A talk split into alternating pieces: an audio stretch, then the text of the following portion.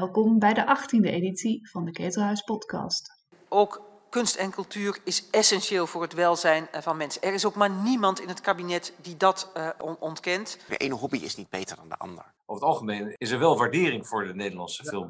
De Ketelhuis Podcast. Ik zou er maar naar luisteren.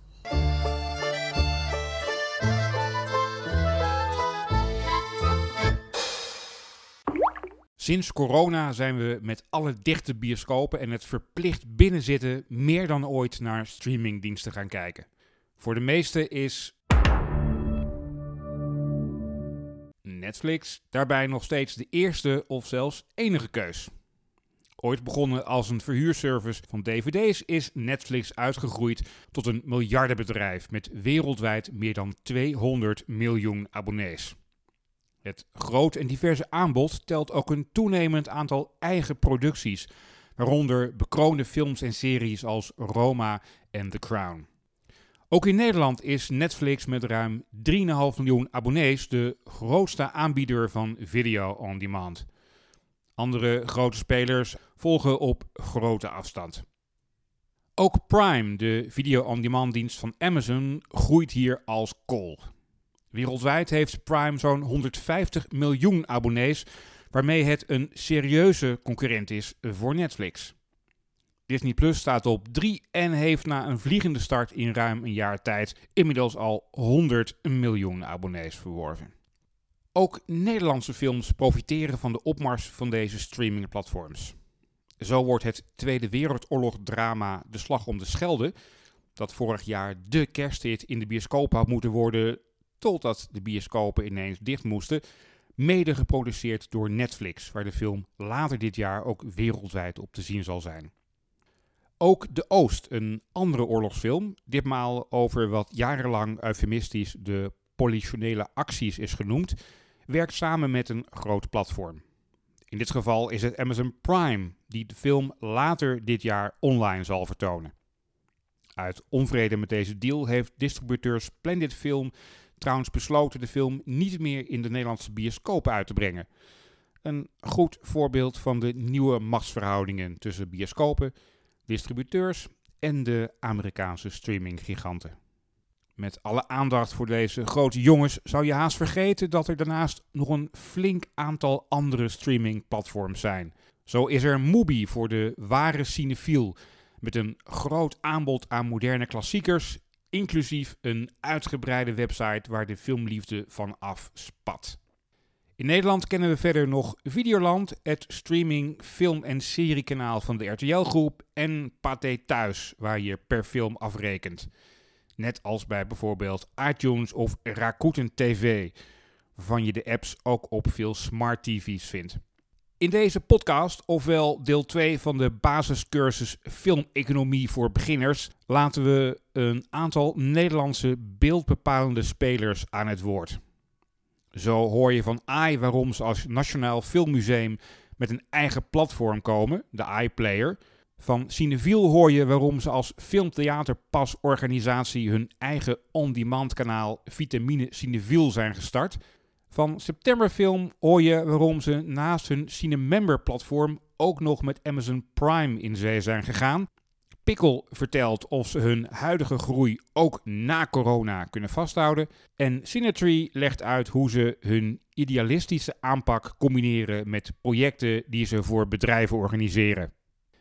Daarnaast doen filmjournalisten Bor Beekman en Koen van Zol een poging om te voorspellen welke kant het opgaat met streaming en of bioscopen straks knock-out in de touwen liggen. Tussendoor strooien we ook met afkortingen als SVOD, SVOD, ofwel voor een vast bedrag per maand alles bingen van een streamingdienst, TVOD, ofwel betalen per film, of PVOD, ofwel een premiumprijs om een nieuwe film online te zien. Maar welk model gaat straks het belangrijkste worden? Allereerst legt Anke van Dien van Pikkel uit waarom ze vinden dat ze eigenlijk nergens onder vallen. Wij zien onszelf echt meer als een term die nu eigenlijk een beetje in, in zwang is geraakt. Uh, maar iets wat wij natuurlijk vanaf het begin al deden, is toch uh, virtual cinema.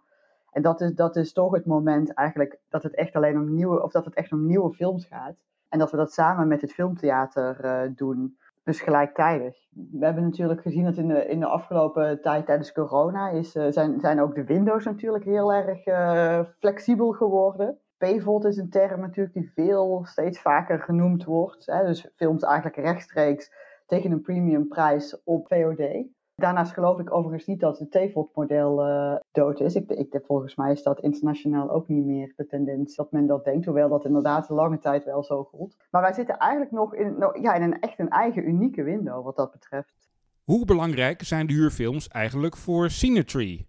Algemeen manager Jort Statema. Dus de dus de huurfilms, geen verdienmodel voor ons. En onze focus ligt echt bij SVOD en de films die we, die we binnen ons abonnement aanbieden. Maar als we bijvoorbeeld zeggen zelf natuurlijk vaak van de Cinetrie boom als analogie. Uh, en daarbij is dan zeg maar de SVOD is de centrale boom en TVOD is eigenlijk een beetje de tuin waarin die boom kan groeien. En wat ik daar specifiek een beetje mee bedoel is dat die huurfilms ons in staat stellen om die verdieping te bieden waar ik het net over had. En daardoor ons in staat stellen om in te springen op actualiteiten. Uh, maar ze helpen bijvoorbeeld ook met het uh, vergroten van onze vindbaarheid. Omdat we een grote bibliotheek hebben waar we artikelen omheen kunnen schrijven. Maar bijvoorbeeld ook uh, titels via online marketing kunnen pushen.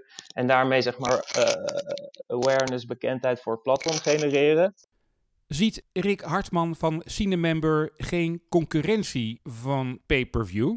Nee, ik zie, ik zie zeker wel toekomst voor het, voor het abonnee-model. Uh, ik denk zelfs dat het, uh, het losverkopen van films, dat, dat, uh, dat zal gaan afnemen, denk ik, de komende jaren.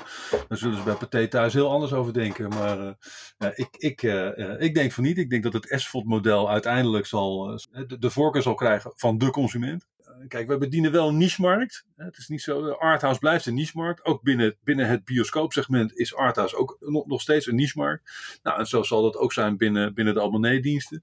Uh, maar met, met de huidige techniek uh, hebben wij geen honderdduizenden leden of abonnees nodig om, om, om, een, om een succesvol platform te starten. Dus ik zie daar nog wel degelijk toekomst in. Na deze aftrap beginnen we met een jonkie. AI Filmmuseum. Niet omdat ze zelf nog maar net zijn opgericht. Dit jaar viert AI, net als de Wegenwacht, het 75-jarig bestaan. Nee, omdat ze begin maart hun iPlayer lanceren. Frank Raumen, sectormanager collecties van AI, vertelt over de lange aanloop naar deze lancering. Hoe lang geleden begon het te borrelen bij AI? Een jaar of tien of zelfs wel langer geleden heeft het uh, Filmmuseum zich uh, samen met onder andere Beeldgeluid een, uh, een online platform te maken. Dat heette toen Ximon. En dat is eigenlijk niet zo goed gelukt. Uh, ik denk dat 10, 15 jaar geleden de tijd daar nog wat minder rijp voor was. De fantasieën over gouden schepen van geldladingen die binnen zouden komen bij rechthebbenden waren er toen nog. Die zijn inmiddels wat uh, getemperd. En dus dat hele platform van Ximon is wel daadwerkelijk wel even in de lucht geweest, maar is na één of twee jaar is dat opgehouden te bestaan. En eigenlijk, zeker vanaf dat moment en misschien nog wel langer, bestaat er een enorme grote wens bij iFilm Museum om uh, zoveel mogelijk toegang te bieden tot de films die wij in collectie hebben. En dan is zo'n VOD-platform waarin je gewoon keurig afspraken kunt maken met rechthebbenden, is natuurlijk een fantastisch medium. Dus dit is eigenlijk al een, een droom die heel lang bestaat. En wat is jullie criterium bij de selectie aan films die jullie dat platform aan willen uh, bieden? Is dat uniciteit? Films die op andere platforms niet te krijgen zijn? Daarbij gaan we eigenlijk heel simpelweg gezegd, uh, heel simpel gezegd, gaan wij uit van onze collectie. Dus we willen uh, onze collectie zoveel mogelijk online plaatsen. En dan moet je weten dat onze collectie ongeveer voor de helft uit Nederlandse films bestaat. Dus het leuke van het VOD-platform, de iFilm Player, is dat je heel veel Nederlandse speelfilms en documentaires kunt zien die al een tijd niet meer te zien zijn geweest. En die andere helft van onze collectie is internationaal. Dus daar willen we ook recht aan doen door middel van uh, moderne klassiekers of klassiekers te publiceren. Zoals uh, bijvoorbeeld uh, De Piano staat er nu op dit moment op, Paradies, Liebe, dat soort titels. Dus ook om klassiekers die we zelf in collectie hebben ook op ons platform te publiceren. En het, het criterium van uniciteit is daarmee voor een deel ingelost. Want heel vaak is een titel nergens anders uh, te zien op een platform. Maar is niet, uh, laten we zeggen, alles zaligmakend. Want het gebeurt gewoon ook wel dat er titels bij ons op de iFilm Player staan die ook op andere platforms te zien zijn. Wat is jullie ambitie en welke termijn hebben jullie daaraan uh, gekoppeld als het gaat om het aanbod en het bereik wat jullie nastreven? Om te beginnen is het heel belangrijk om te zeggen dat, dit, uh, dat we geen um, verdienambitie hebben. We zijn zeker ook door de ervaringen van wat ik eerder vertelde met Simon zijn we wijzer geworden. En uh, het gaat hier niet om heel veel geld verdienen, maar het gaat hier vooral om daar waar mogelijk zoveel mogelijk toegang te bieden tot, uh, tot filmgeschiedenis, laat ik het even zo zeggen. Dit platform hebben we kunnen bouwen met dank aan een uh, ondersteuning van de Bank Giro Loterij. En voor twee jaar kunnen we in feite ook dit platform draaiende houden. En uh, onze eerste stap is dat wij hopen dat we over twee jaar vanaf nu de iFilm Player in, in de lucht kunnen houden met eigen mensen en met eigen middelen. En zo hopen wij continu nieuwe titels kunnen aanbieden, zodat het platform, nou ja, denken wij levensvatbaar blijft. In principe, AI die, die fungeert zelf niet als distributeur in hoeverre is het daarin wel een probleem uh, als AI zich ook als, als platform opstelt? Uh, uh, niet alleen voor oudere archieffilms, maar ook voor een huidig actueel aanbod? Ja, misschien, misschien moet ik dan eerst even ingaan op het feit waarom wij als AI op dit moment niet distribueren en in andere cycli van, um, van de cultuurbegroting wel hebben gedistribueerd. Dat heeft ermee te maken dat de uh, Raad voor Cultuur, die daarover adviseert, je kan daar een beetje de klok op gelijk zetten, eens in de zoveel jaar tegen ons zegt dat ze het belachelijk vinden dat we niet distribueren en dat heel snel moeten gaan doen. En dan vaak een jaar of acht later zegt van uh, het is belachelijk dat AI als uh, gesubsidieerde instelling concurreert met distributeurs. Dus daar moet AI onmiddellijk mee stoppen. We zitten op dit moment in de laatste fase dus wij mogen in die zin officieel niet distribueren, alleen op een hele passieve manier. Uh, de andere kant is dat het ministerie van OCMW ook heel nadrukkelijk tegen ons zegt: van ja, jullie krijgen hartstikke veel geld om te restaureren en te digitaliseren. Dus we vinden het ook heel erg belangrijk dat jullie dat toegankelijk maken. Dus die wens die doen we eigenlijk enorm gestand. En daarom is daar intern ook helemaal geen discussie over. En tegendeel, we zijn allemaal ongelooflijk blij met dit uh, online platform. Um, dus er is geen enkele discussie over dat we de, de wens gestalte kunnen geven vanuit ook het ministerie van OCMW. Om uh, meer en meer toegang te bieden tot onze digitalisering op deze manier. Kan je wel voorbeelden noemen van uh, titels of misschien bepaalde filmografieën van regisseurs of Nederlandse makers die we bij jullie kunnen verwachten? Er zijn een aantal Pim de la Parra films, onze uh, grote held die momenteel in Paramaribo woont. En die natuurlijk een enorme uh, hit heeft gescoord, ook met zo'n film als One People bijvoorbeeld. Dat, dat is misschien een goed voorbeeld. We, zijn, uh, we hebben al een paar films van Frans Wijs, een van onze belangrijkste regisseurs, op de player staan. We zijn nog met Frans in gesprek om dat te, gaan, te gaan uitvergroten. Er staan ook belangrijke restauraties op de, de iFilm Player. Uh, ik noem maar wat. Uh, Dakota met Kees Brussen in de hoofdrol.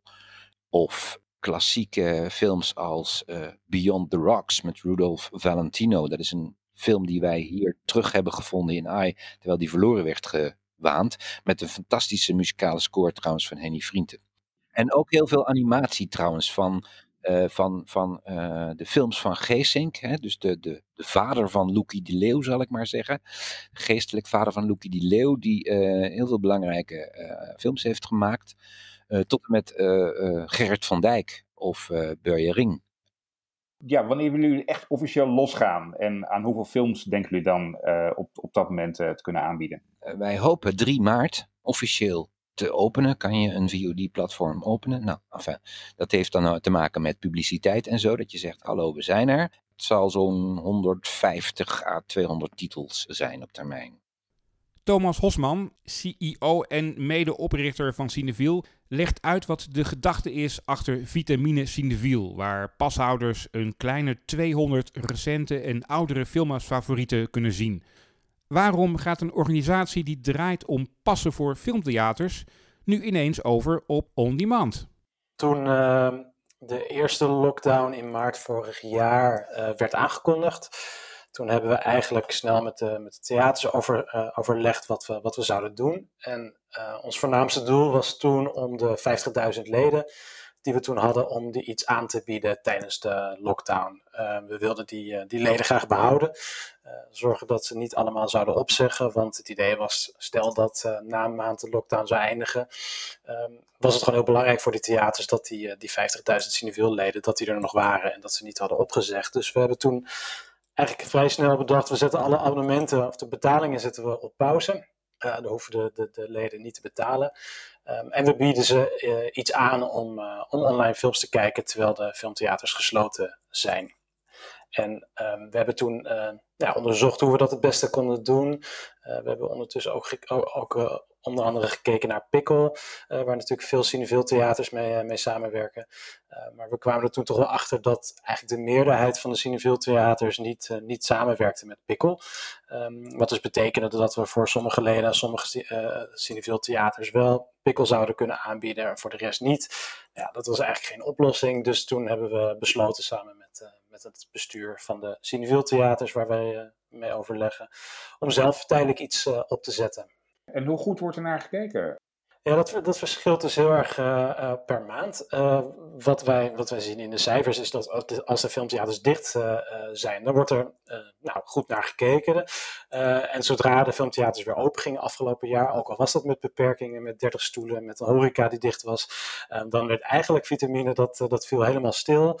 en ging iedereen massaal weer naar de bioscoop dus dat gaf ons wel hoop dat de behoefte er nog steeds is uh, bij onze leden om vooral gewoon films te kijken in de, in de filmtheaters. Um, er zijn, uh, om, een, om een cijfer te noemen, er zijn zo'n uh, 225.000 films bekeken afgelopen jaar op vitamine. Um, en zo'n 800.000 films in de, in de filmtheaters. Dus het is nou, iets meer dan 20% dat online is gekeken afgelopen jaar. Ik kan me voorstellen dat met het optuigen ook van zo'n hele, van zo'n heel vitamine cineviel project uh, het op een gegeven moment wel naar meer smaakt. Je zei het is als tijdelijk opgezet. Uh, maar ik kan me niet voorstellen dat er, dat er geen ideeën of plannen zijn om te kijken of als de bioscopen straks weer open zijn, om dit op een bepaalde manier voor te zetten. Nou, we geloven erin dat je een film het best in de bioscoop kan kijken, dus dat streaming een ondersteunende rol daarbij, een, een aanvullende rol kan, kan spelen ik denk dat er afgelopen jaar ontzettend veel veranderd is natuurlijk in de filmwereld wereldwijd. Uh, films worden nu tegelijkertijd online en offline uh, aangeboden. Ik, wij, wij zijn er van mening dat we, dat we het liefst gewoon nieuwe films in de, eh, in de theaters kijken. En dan kijken hoe we online bijvoorbeeld een aanvullend aanbod uh, kunnen doen. Dus bijvoorbeeld, uh, nou ja, Cineville Pashouder kijkt gemiddeld 30 films per jaar in de, in de filmtheaters, maar dan mis je alsnog een hele hoop. Dus we zijn nou, ik van nou kunnen we misschien films die een paar maanden uit de bioscoop zijn alsnog aanbieden. Of kunnen we oudere films van een bepaalde maker, kunnen we die alsnog aanbieden. Dus als we straks Riders of Justice uitkomt, dat we dan misschien Adam's Apples kunnen vertonen eigenlijk allemaal met het idee van we willen de filmliefde van al die, van al die pashouders zoveel mogelijk aanwakkeren, aanmoedigen. En, en, daar kan streaming een grote rol uh, in spelen. Zou je kunnen voorstellen dat er straks gewoon een, een, een, een filmtheaterpas is uh, en tegen een meerprijs ook een, een soort van online supplement? Ja, dat, dat zou ik, kan zeker. Ja, dat, dat, we zijn nu uh, daarover in gesprek met theaters, maar ook met onze leden zijn we interviews aan het doen van ja, waar hebben zij nou precies behoefte aan. Maar een combi-abonnement ja, voelt dan logisch. Uh, logischer dan een los streaming abonnement. Um, ik, ik geloof heel erg in dat er van allerlei combinaties te maken zijn tussen online films kijken en in de filmtheaters kijken. Um, om een voorbeeld te geven, wij verliezen heel veel pashouders die kinderen krijgen. Die heel graag wel uh, naar de film willen blijven gaan, die films willen blijven kijken, maar gewoon niet genoeg tijd hebben om, om drie keer per maand naar, de, naar het filmtheater te gaan. Dus waar we bijvoorbeeld dan aan zitten te denken, is een abonnement waar je misschien één keer mee naar het filmtheater kan en twee films online kan zien. Dus wij geloven heel erg in dat er een combinaties van uh, film kijken in een filmtheater en online, dat daar de kracht ligt van Cineville. En dat er andere platforms zijn die, die heel erg puur op het online kunnen focussen. Zijn er ook nog uh, veel opzeggingen of valt dat heel erg mee? Um, we hebben in totaal, toen we, toen, toen we de lockdown ingingen vorig jaar maart, hadden we zo'n 52.000 leden. We zitten nu op 45.000, dus we zijn er wel wat, uh, wat kwijtgeraakt. Um, maar gesproken zijn dit de maanden waarin er heel veel nieuwe leden bij komen. Dus ja, het is extra zuur dat nu juist in deze maanden uh, de theaters weer dicht zijn. Maar ik verwacht eigenlijk dat zodra ze weer open gaan, dat er weer heel veel leden terugkomen. En dat, sterker nog, dat er heel veel nieuwe leden uh, bij zullen komen. Omdat we gewoon geloven dat heel veel mensen de behoefte hebben om weer in een donkere zaal films te kunnen kijken.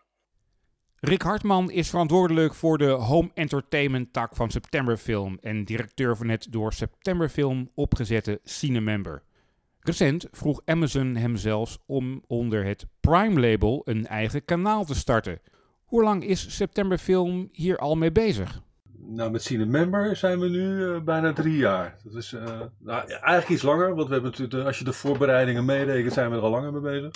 Maar in april 2018 zijn we, zijn we gestart, is het platform live gegaan. En wat was het idee om een eigen platform uh, te beginnen, in plaats van aan te haken toen op al bestaande platforms? Nou ja, de belangrijkste reden was dat wij, wat wij gewoon zagen, was dat er wel veel platformen kwamen. Uh, maar dat er geen platformen voor Arthouse waren. En het, het enige asphalt platform voor Arthouse dat er was, dat was Cinetree. En ja, die bieden eigenlijk alleen maar een selectie van, van films aan. En uh, ja, wij zagen gewoon dat ook met de, met, de teloorgang van de DVD-markt, dat er gewoon heel veel films van ons gewoon, gewoon niet meer verkrijgbaar waren. Niet fysiek en niet digitaal. Konden natuurlijk wel, als we hadden gewild, kunnen we al onze films zelf op iTunes zetten.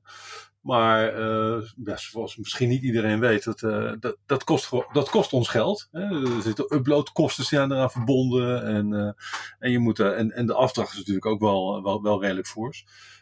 dus ja, heel veel van onze, onze titels, en met name de kleinere arthouse titels, ja, die waren gewoon niet, niet meer te zien. En ja, dat gezegd hebben, dachten we van ja, daar is volgens ons wel een markt voor. Want er gaan toch tussen de 2,5 en 3 miljoen mensen per jaar naar een filmhuis. Dus waarom zouden die onze films thuis niet willen kijken? En dat gezegd hebben, we, uh, hebben wij gemeend om, om Cinemember op te starten, om dat zelf te doen. Ja, hoeveel abonnees hebben jullie nu bijvoorbeeld? Ja, dat fluctueert heel erg. Ik zal eerlijk zijn dat, uh, dat corona wel een flinke boost heeft gekregen. Het aantal gebruikers dat, dat, dat, dat, fluctueert tussen de, tussen de 7000 en de 20.000. Dat zijn alleen niet allemaal betalende gebruikers, uiteraard. Want ja, je kunt bij ons gewoon een, een, een proefabonnement afsluiten voor twee weken. En, en, en na die twee weken kan je weer gedag zeggen en naar een ander platform overstappen als je dat wil. Het aantal betalende gebruikers dat, dat, dat, dat schommelt een beetje ja, tussen de 2 en de 5000 abonnees. Er zit enorm veel verloop in. Uh, zoals ik al zei, met name ook door, uh, door alle acties die we, uh, die we doen. Maar we zien wel een, een, een, een aardige stijging. Maar dat we nog geen Netflix zijn, dat, dat is een understatement. Zou je kunnen zeggen dat vorig jaar Cinemember jullie ook door het coronajaar heeft getrokken? Of weegt het toch niet op tegen het verlies aan bioscoopinkomsten? Nee, dat kan je niet zeggen. Uh, je kan wel zeggen dat, dat digitaal ons uh, wel behoorlijk geholpen heeft afgelopen jaar. Maar uh, wat Fascine Member kan zeggen is dat er afgelopen jaar geen geld meer bij hoefde. Maar om nou te zeggen dat we daar alle salaris van hebben kunnen betalen, dat is absoluut niet zo. Maar digitaal in zijn algemeenheid heeft ons natuurlijk wel behoorlijk geholpen. de, de, de, uh, de, de, stijging van Tifot hè, via Pickle, via Pathé Thuis, via iTunes, via Ziggo uh, is, is aanzienlijk geweest. Uh, ja, en, en weet je, doe ik even mijn Cinemember pad af en zet ik mijn septemberfilm pad op. ik wil natuurlijk als, als septemberfilm dat onze films op zoveel mogelijk platformen en plekken te zien zijn. Ja, en, en het afgelopen jaar zien we dat al die plekken een, een stijging hebben gehad. Jullie hebben ook, uh, net als Cineaar trouwens, uh, ik weet niet of dat toeval is, maar jullie hebben allebei een apart kanaal onder Prime. Um, hoe zijn jullie bij Prime terechtgekomen en wat is daar de, de gedachte achter? De, de gedachte van Amazon eh, was dat zij heel graag Cinemember daar wilden aanbieden. Zijn jullie benaderd door Amazon of hebben jullie hen zelf benaderd? Nee, nee, wij werden benaderd door Amazon of uh, Cinemember en add-on channel wilden starten op, uh, op Amazon Prime. Uh, ja, dat wilde ik wel. Alleen ja, het probleem is een beetje dat er een, een, een, een, een derde partij bij komt die, die zeg maar ook een stukje van de koek moest. En, en, ja, daar kwamen we niet uit. Kijk, op dit moment uh, bij Cinemember verdelen we de, de, de, de inkomsten verdelen we tussen de content-eigenaren en Cinemember. Uh, en ja, bij Amazon Prime uh, ja, komt er ineens Amazon Prime erbij, die daar ook een stuk van moet hebben. Ja, en daar, daar kwamen we niet uit. En toen zei uh, Amazon, die zei van god, maar uh, uh, jullie zijn ook nog distributeur, wil je niet als septemberfilm een, een add-on channel gaan, gaan beginnen? Nou, en daar heb ik toen ja op gezegd. En in, gedurende dat proces kwam naar voren dat Cinear dat ook heeft. Dus wat hun beweegredenen zijn, zijn, weet ik niet. Maar mijn beweegreden is, is dat, ja, dat, dat ik wel gewoon probeer om de films van septemberfilm op zoveel mogelijk plekken aangeboden te krijgen. Nou, Amazon Prime is er daar één van. Ja, er lopen, op dit moment lopen er, er vier deals met Amazon. Weet je? We bieden onze titels bij Amazon aan via uh, koop en huur. we bieden onze, als je, we bieden onze titels, diverse van onze titels worden door Amazon Prime aangeboden, omdat ze ze van ons gekocht hebben voor een, voor een fixed fee.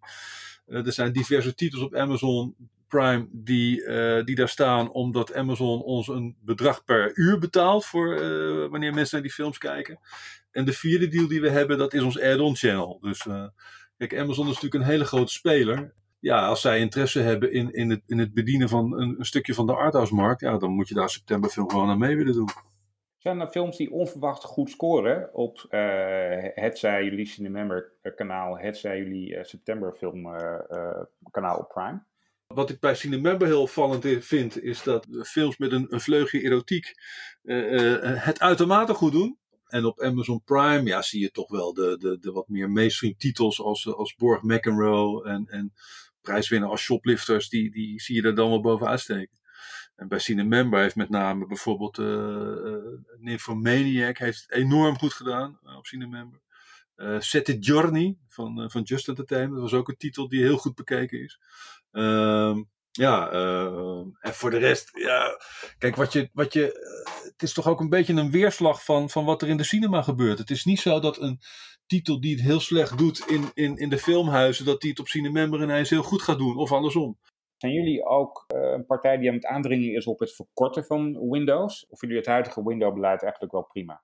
Nou, ik, ik denk, kijk, als je kijkt uh, naar, de, naar de, de, de box office, die uh, wordt zeker bij grote titels, wordt die in de eerste paar weken binnengehaald. Dus het is best wel raar dat, dat uh, dan bioscoop, bioscoop-exploitanten willen dat je gedurende vier maanden helemaal niks met die titels digitaal doet. Dat is vreemd. Als ik kijk naar arthouse titels, dan zie je dat die titels toch wel uh, wat langer ook uh, box-office genereren in de filmhuizen. Langer dan die, dan die, dan die eerste paar weken. Uh, dus op dit moment kunnen wij prima leven met die, met, met die window van, van, van vier maanden. Maar dat die, dat die verkort gaat worden, dat, ja, dat, dat heb ik liever morgen dan, dan overmorgen. Kijk, op dit moment heb ik heel veel moeite om, om aan mijn buurvrouw uit te leggen dat een film die in de bioscopen uitkomt pas over vier maanden digitaal kan huren. En dat die over acht maanden pas op PTV of bij een, een, een, een dienst te zien is. En dat die over twee jaar pas op, op tv is.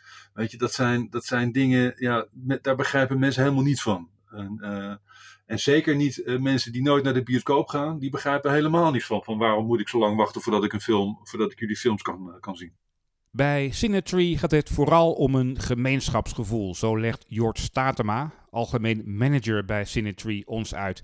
Niet om de grote massa. Hoe zou een elevator pitch van Cinetree eigenlijk klinken? Ik zou zeggen denk, dat Cinetree een video-on-demand platform is, uh, waarbij we eigenlijk elke maand een kleine selectie van verrassende, inspirerende, maar ook maatschappelijk relevante films en documentaires aanbieden. Uh, waarbij de focus echt ligt op die selectie en op films die eigenlijk uh, langer bijblijven dan ze duren.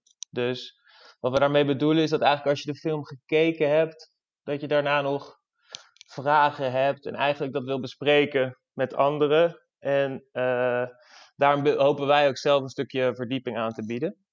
Hoe maken jullie eigenlijk de keuze voor de, voor de films die jullie aanbieden?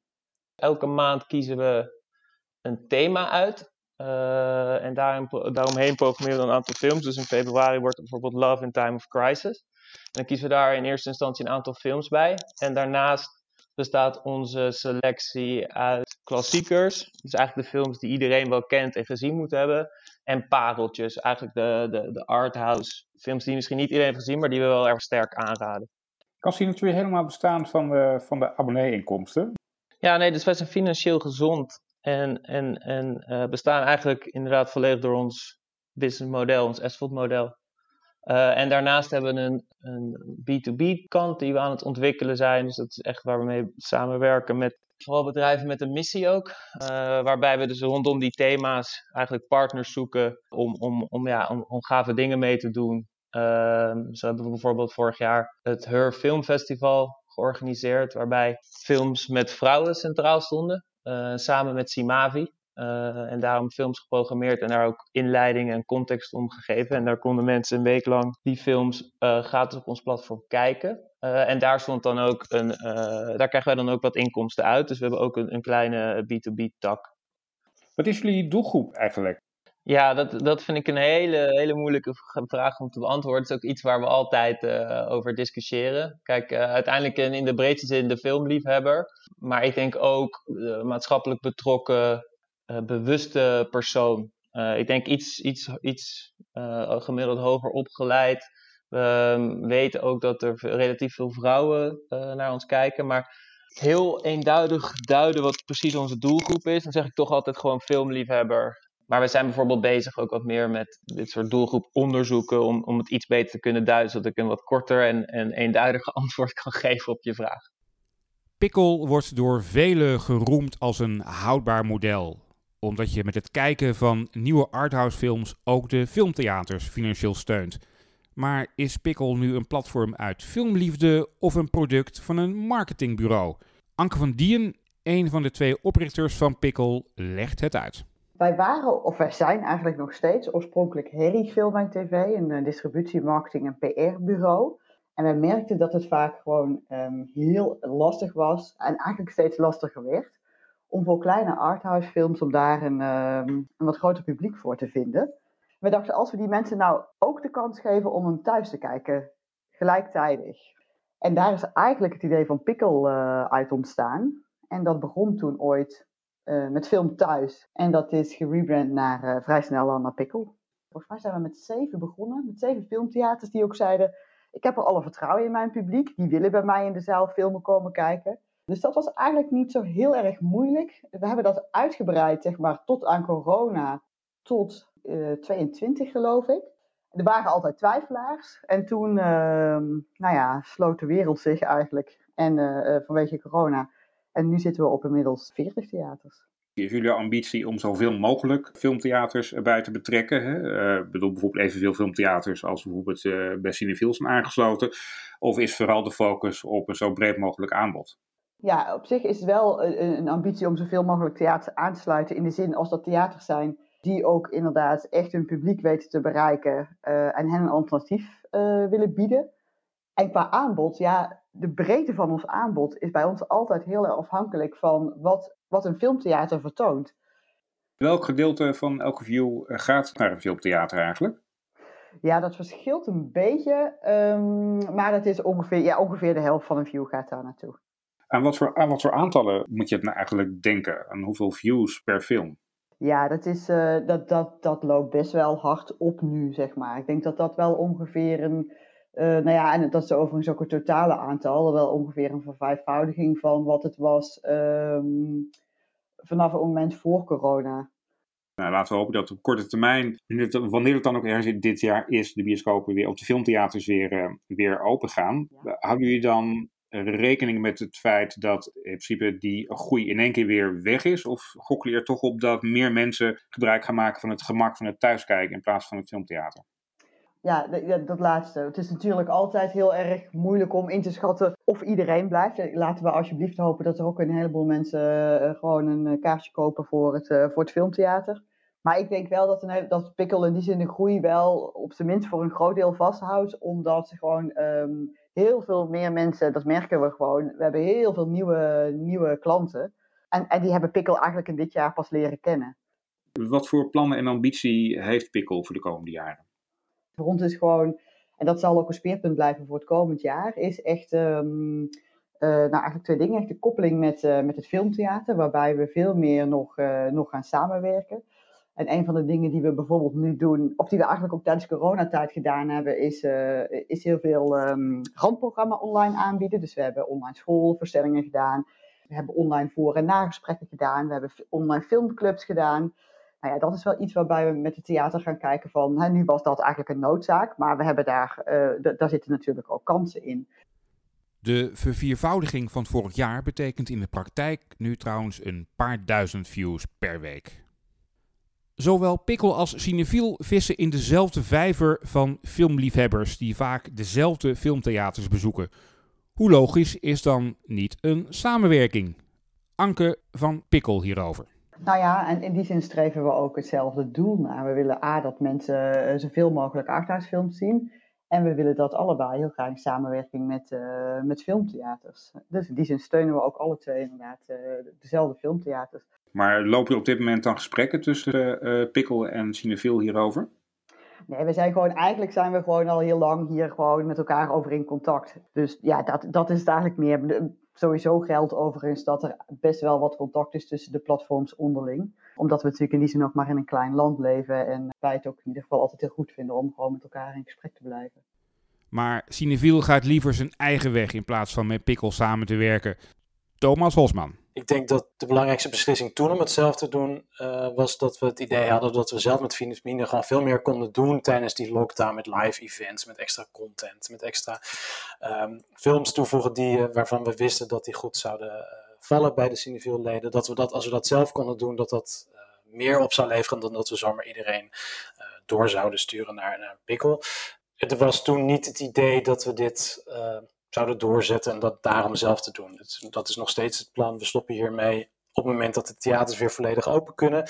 Uh, maar we onderzoeken wel uh, ja, wat, wat Cineville in de toekomst met streaming moet, uh, moet doen. Na alle meningen uit de branche zelf is het tijd voor wat journalistieke reflectie. We vroegen Boor Beekman van de Volkskrant en Koen van Zwol van NRC allereerst hoe het is om in deze tijd van corona en dichte bioscopen filmjournalist te zijn. Hoe voelt Boor zich nu na een jaar in gedeeltelijke of volledige bioscoop-lockdown eigenlijk? Ja, ja, aan de ene kant verschrikkelijk natuurlijk, want ik, ik wil niks liever dan gewoon weer naar de bioscoop. en, en daar gewoon zitten in het halfduister in, uh, in plaats van uh, thuis kijken. Um, dat gezegd hebbende is er natuurlijk wel een enorme uh, berg aan materiaal beschikbaar, ook als journalist. Dus ja, um, het maakt het soms ook wel weer gemakkelijk. Maar ik, ik zou wel iets van het gemak opofferen om weer gewoon een, uh, een klassieke persvoorstelling bij te kunnen wonen. Voor Koen is het een stuk minder verschrikkelijk. Zo bleek uit zijn antwoord. Nou ja, ik ben een van die sneuwe karakters voor wie er eigenlijk heel weinig veranderd is. Want ik keek toch al een heleboel films keek ik thuis. Die werden me, worden me ja, ter consideratie op, als streamers uh, gestuurd. En ging eigenlijk één keer per week uh, naar, wel naar persvoorstellingen. Maar heel veel was er dus eigenlijk niet veranderd. Dat is eigenlijk zegt een beetje zielig voor mij als amateur. Maar ik moet zeggen, nu zou ik wel weer een persvoorstelling willen zien. De vraag is of je als filmjournalist films ook anders gaat beoordelen als je ze als streamers thuis moet kijken. Borbeekman. Ja, dat kan niet anders. Het vereist meer concentratie, denk ik, van, ook van een filmjournalist en van de kijker thuis. Maar dat er een keer een jaar tussen zit waarin we niet uh, standaard al die festivals afgaan en niet week na week kijken van, oh, nu komt dit uit en dan weer dat, oh, dan hebben we dat nog liggen. Dat, dat, dat, ik denk dat het ook wel eens gezond is voor, voor mij als filmjournalist en voor mijn collega's. Een goede crisis kan, kan ook een goed effect hebben op het manier waarop je met je werk omgaat. Ja, het, het, het maakt los wat, wat misschien ook wel een beetje vastgeroest was. Heeft het ook je blik naar het aanbod op streaming geopend? Nou ja, we keken er al wel naar. En het was zeker zo dat we, als er bijzondere releases waren, dan namen we die mee. En, en dat kon ook gewoon groot zijn. Maar nu speuren we er echt naar. Dus, dus, dus er is wel wat veranderd. En dit zal blijven. We zullen meer blijven kijken naar wat, wat er op streaming gebeurt. Maar wordt de rol van de bioscoop dan straks anders volgens jou? Nou, ik, ik denk, ja, goed, dan krijg je weer dat, dat, dat klassieke uh, avondje uit. En, daar, en, en dat is het. En dat het zo goedkoop is, zo'n avondje uit. En ook gewoon leuk. Ja, ik, ik geloof ook niet dat dat ophoudt. Als je kijkt naar die cijfers, waar, er werd, mensen gingen alleen maar meer naar de bioscoop. Ook naar uh, wat, wat je dan arthouse noemt. Um, waarom zou dat veranderen? Bij de Hollywood studios verandert natuurlijk wel iets en de, en de platforms. En dat zal wel effect hebben. Gerard Huisman uh, van Contactfilm, die uh, heel recent um, uh, is gestopt ook met het uitbrengen van films in de bioscoop, die zegt eigenlijk met zoveel woorden ook, de opkomst van streaming en online is eigenlijk de, de, de netslag geweest voor de kleine artseizoen, de kleine artistieke film. Ben je het met hem eens? Nee, ben ik het niet mee eens. Maar dat is ook de afweging die filmmakers maken. Van, van, van ga ik, verkoop ik een film aan een distributeur en draait die in een paar zalen, of verkoop ik hem aan een platform en wordt die door een tien of misschien wel een honderd, honderdvoud van, van de kijkers gezien. Ik, ik had het er een week geleden met David Verbeek over, die nu met, met zijn nieuwe film Dead and Beautiful Ja, die heeft hij ook aan een platform verkocht. En stel dat lukt, dan wordt die film misschien wel door, ja, door, door inderdaad een veelvoud van uh, kijkers gezien dan al zijn eerdere films eerder. Um, is dat het antwoord voor David Verbeek? Moet, moet hij dan voortaan alleen maar op die manier films maken? Nee, helemaal niet. Zijn volgende film moet hij misschien weer uitbrengen bij een distributeur die, die hem in een aantal zalen draait. Maar je zou, ja, in een ideale situatie zou je, dat, uh, zou je allebei die opties hebben. En dan denk ik dat je er zowel als publiek als filmmaker van kunt profiteren. Um, en natuurlijk, we, we zitten nu in die transitie. Dat betekent dat, dat er een aantal oudere bedrijven gaan omvallen. Maar ik geloof toch, hoe zuur dat dan soms ook is, dat het ook ruimte creëert voor, voor nieuwe initiatieven. Hoe zie jij de toekomst voor die enorm gefragmenteerde uh, streamingmarkt? Uh, nou ja, er gaan er een aantal wegvallen. Dat, dat kan niet anders, want het zijn er gewoon wel heel veel kleintjes momenteel. En ik denk dat je alleen maar kunt, als kleine partij kunt overleven als je iets biedt wat de anderen niet hebben. Dus dan moet jij, als jij, uh, dan heeft het te maken met cureren, zoals bij Mubi, wat, wat ze daar natuurlijk heel goed doen. Um, en die, kunnen, die, kunnen, die zijn natuurlijk internationaal. Als je alleen maar in Nederland zit als een kleintje, dan zal je, ja, ik denk zoals Pikkel een soort unieke vorm heeft bedacht, dan, dan kun je wel gedijen. Maar um, ja, alle initiatieven ik vind ze heel sympathiek, van Cinemember tot Cine, Cinetree. En ik, ik, hoop dat ze nog lang bestaan. Maar het is me niet altijd even duidelijk wat zij nou bieden, wat, wat de anderen niet bieden, wat titels betreft of mogelijkheden. Je zei eerder in het gesprek ook dat je niet zozeer voor de kleine films of voor de Nederlandse situatie nog veel dingen, uh, heel, veel dingen structureel ziet veranderen, maar wel voor de, uh, voor de Hollywood-film. Ja, welke effecten zie je, zie je daar de komende tijd in doorwerken? Nou, ik vind het heel moeilijk om precies te voorspellen wat er daar gaat gebeuren. Maar dat er iets gaat veranderen lijkt me evident. Uh, het, ze, ze, zaten daar natuurlijk al een ja, doodspoor, weet, weet, ik niet. Maar als je inderdaad het, jaar voor corona zag hoe Disney heerste met, met, uh, met de sequels en de superhelden. En het leek ook wel een soort piek te hebben bereikt. Zo van, nou ja, goed wat nu? Waar, welke kant kun je nu nog op? Een paar jaar geleden, herinner ik me nog, waren mensen allemaal boos over jou, op jou. En dan ging het om uh, of we wel of niet mochten downloaden of zo. Dat was, dat was ineens belangrijk. Dat doet er natuurlijk achteraf bezien totaal niet toe. ik bedoel, mensen zijn heus al bereid te betalen voor films en series. Weten we nu.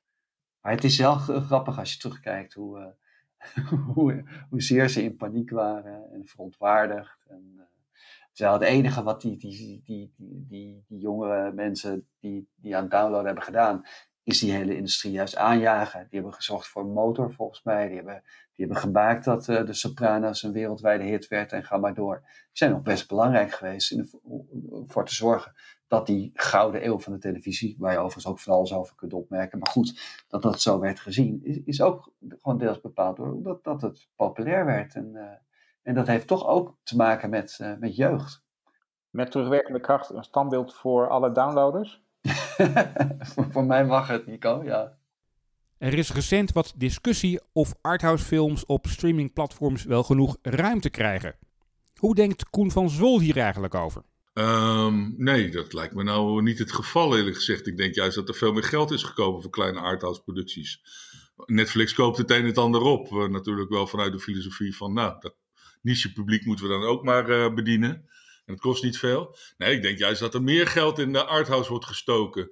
Geert probleem is juist dat er op dit moment, dat er afgelopen jaren wel 450 of 500 films per jaar uitgaan in de bioscoop. En dat waren er ooit maar 250. Dus uh, ja, dan is na een week is zijn film al weg. Dat is heel lullig voor hem. Maar ik denk dat dat het echte probleem is en niet zozeer streaming. Ik denk dat streaming juist enorm veel meer geld in de filmindustrie heeft uh, gepompt al met al. Dus ik denk niet dat um, een filmmaker die echt nadenkt daarover uh, zou klagen. Wat moeten bioscopen uh, en filmtheaters doen om zich ten opzichte van het streaminggeweld staande te kunnen houden, denk je? Uh, minder afhankelijk worden van film. Uh, klinkt een beetje gek, maar je ziet dat ook dat is al een bestaande trend die al langer gaande is. En die door dit alles een versnelling zou krijgen. Uh, je ziet natuurlijk dat, dat films, ook, ook, ook multiplexen, dat het steeds meer um, een soort evenementencentra, visuele evenementencentra zijn. Waar je ook een voetbalwedstrijd kan bekijken, of een opera live, of toneel. Ik denk dat dat soort dingen veel sterker worden en veel meer evenementachtige dingetjes en mini-festivals. Ehm, je moet, laten we zeggen, minder afhankelijk worden van de ehm, agenda van Hollywood. En laten we zeggen, de monocultuur van de popcornbunker, die, laten we zeggen, Pathé hier in Nederland ehm, heeft eh, geïntroduceerd. Met twee zalen waar je zo snel mogelijk in wordt geleid en daarna zo snel mogelijk weer uit. Na eh, het consumeren van je popcorn en je biertje. Eh, ik denk dat dat eh, model ten door, ten, ten- gedoemd is, eerlijk gezegd. En dan kan je dus wel zeggen van, weet je wat, we zorgen dat we dat nog wat langer in leven houden.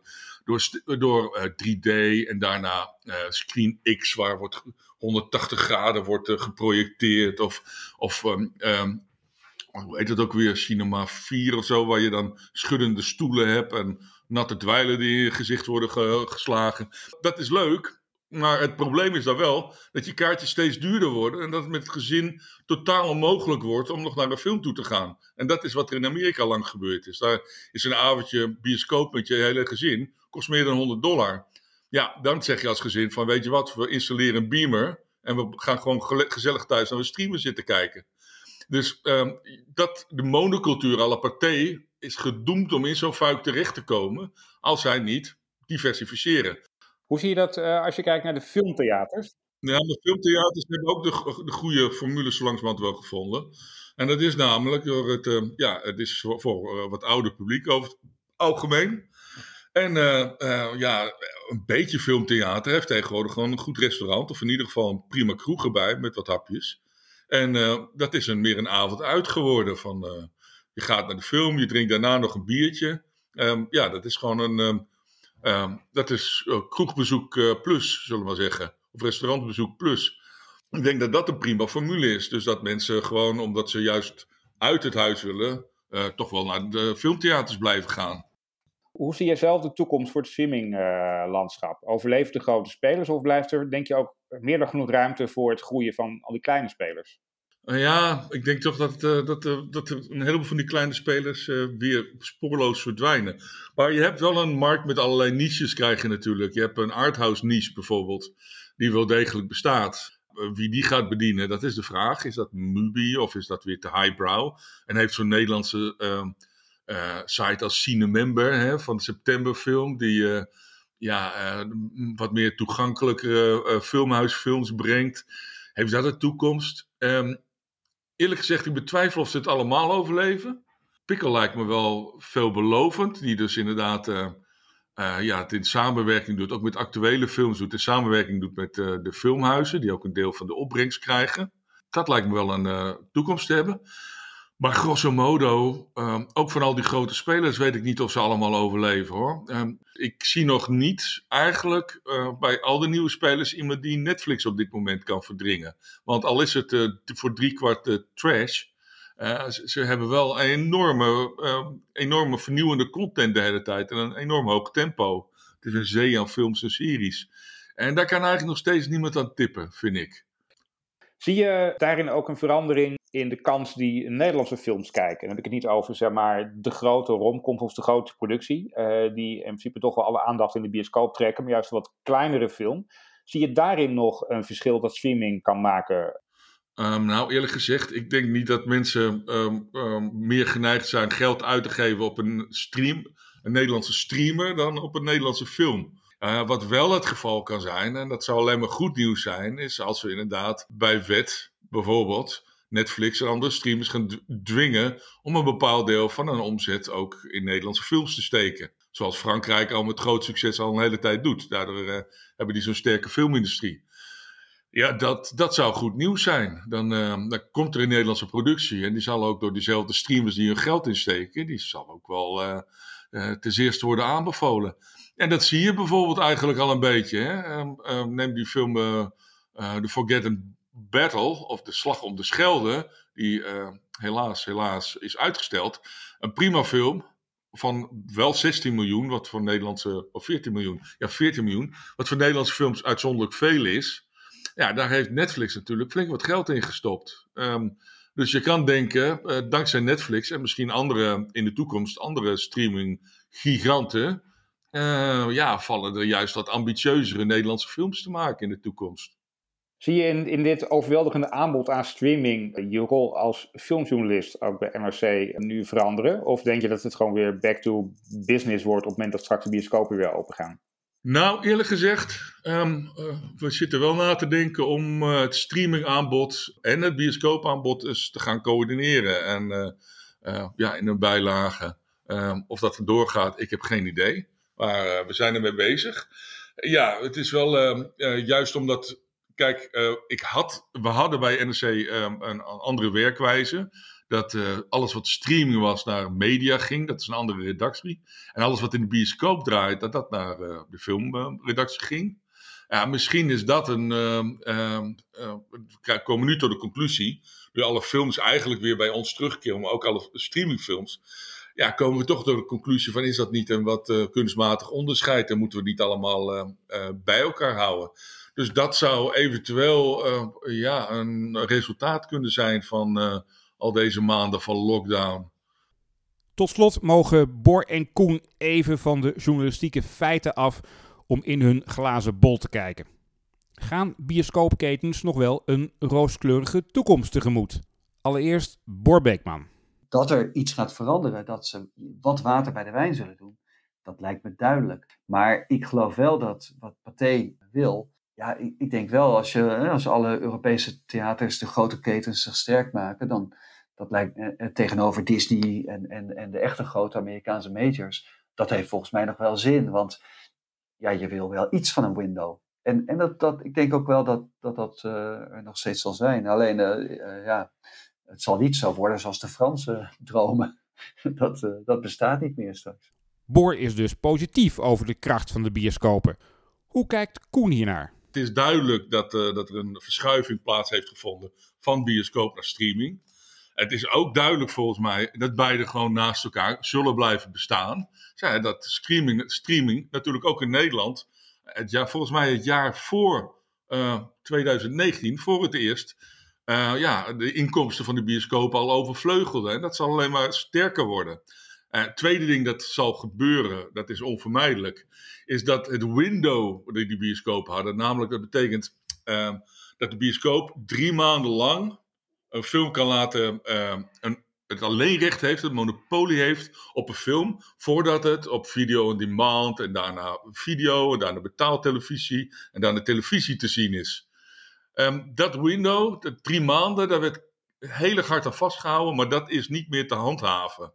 Um, dat is nu aan alle kanten gebroken. En dat keert ook niet terug. Dus sommige films die zullen maar twee weken exclusief in de bioscoop draaien. En dan al op video on demand te zien zijn. En dan al op Netflix. En sommige films zullen nog steeds drie maanden uithouden. Maar dat zullen er niet zoveel zijn. Um, bioscopen hebben op dit moment even niks te eisen. Die liggen in de touwen. En die hebben in 2022 ook nog steeds niks te eisen. In de touwen en niks te eisen dus. Met deze scherpe voorspelling moeten de ketens het maar doen. Reken er in elk geval op dat de Ketelhuis podcast de komende tijd deze arena goed zal blijven volgen. Tot zover deze tweede aflevering van de basiscursus Filmeconomie voor beginners. Blijf ons vooral volgen voor meer afleveringen in de toekomst.